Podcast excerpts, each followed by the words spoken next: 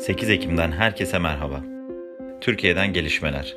Türkiye Büyük Millet Meclisi Genel Kurulu 2015'te Paris'te imzalanan iklim anlaşmasının onaylanmasını öngören kanun teklifini tüm partilerin oylarıyla kabul etti. Paris İklim Anlaşması 2015 yılında yapılan müzakereler sonrasında 196 ülke tarafından kabul edilmiş ve Türkiye tarafından 22 Nisan 2016'da imzalanmıştı. Ancak Türkiye bugüne kadar anlaşmayı onaylamayan 6 ülke arasında yer almıştı. Rusya devletine bağlı yayın organları Sputnik ve Russia Today'in genel yayın yönetmenliğini yapan Margarita Simonyan, Kars ve Ağrı Dağı'nın tekrar Rus topraklarına katılmasını istediğini ifade etti. Kırım Haber Ajansı'nın aktardığına göre 3 Ekim 2021 tarihinde Rus Devlet Televizyonu Rusya 1'de Vladimir Solovyev ile pazar akşamı programına katılan Simonyan, ben emperyal Rus bilincine sahip bir insanım demecini de verdi. Gazeteci İsmail Saymaz, Halk TV'de kaleme aldığı köşe yazısında 2019 yerel seçimlerinden önce başlayan tanzim satışın İstanbul'daki ayağını üstlenen İBB'ye bağlı Beltor'un Tarım Kredi Kooperatifinden meyve sebze alarak yaptığı yaklaşık 70 milyon liralık satıştan 4 milyon liradan fazla kar elde ettiğini ancak personel, enerji, vergi gibi masrafların neticesinde 4 milyon liradan fazla zarar edildiğini yazdı. Zararın İBB'ye yazıldığı, tanzimde çalışmak üzere işe alınan 497 işçiden Ağustos'ta işten çıkarılan 172'sine 363 bin 289 lira tazminat ödendiği bilgisini yazan Saymaz, Türkiye Tarım Kredi Kooperatifi'nin Ankara 9. Asliye Ticaret Mahkemesi'ne Beltur'daki 16 milyon 764 bin 542 lira alacağı için dava açtığını da ifade etti.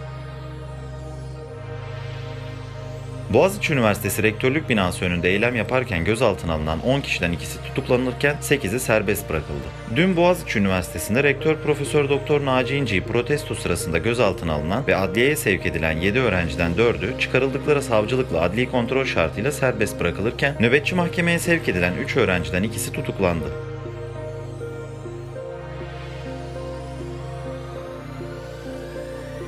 Dünyadan gelişmeler.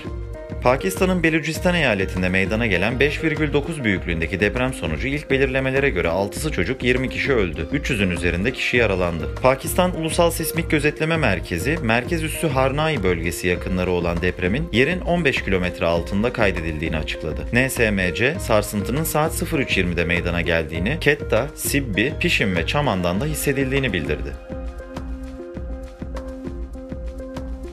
Amazon'un çevrim içi canlı yayın uygulaması Twitch, siber saldırıya maruz kaldığını doğruladı. İsmi bilinmeyen bir bilgisayar korsanı Twitch'in kaynak kodu, müşteri listesi ve yayınlanmış oyunlar olduğunu iddia ettiği bilgileri sızdırmıştı. Sızdırılan 125 GB'lık bilgiler arasında Twitch'te 2019 yılından bu yana en fazla kazanan bilgisayar oyunu yayıncılarının listesi de bulunuyor. Buna göre Dungeons and Dragons oyununun seslendirme sanatçılarının olduğu Critical Role 9,6 milyon dolar, Kanadalı yayıncı XQCQW'ye 8,4 milyon milyon dolar ödenmiş. Hasan abi kullanıcı adıyla bilinen Türkiye kökenli Hasan Doğan Piker de Twitch üzerinden yaptığı yayınlar sayesinde 2,8 milyon dolar kazanmış.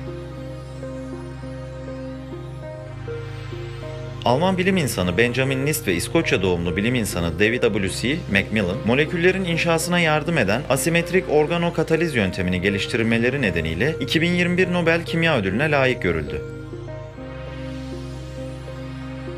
Geçtiğimiz yıl Fransız Emmanuel Charpentier ve Amerikalı Jennifer A. Doudna genetik modifikasyon yöntemlerinin geliştirilmesine yönelik genom düzenlemesi tekniğinde genetik makas adıyla bilinen çalışmalarından dolayı ödüllendirilmişti.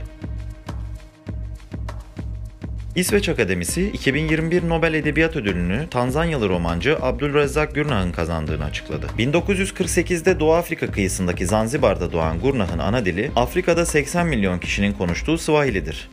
Novus'la gelişmeleri dinlediniz. Bizlere morning.novus.press adresi üzerinden ulaşabilirsiniz. Hoşçakalın.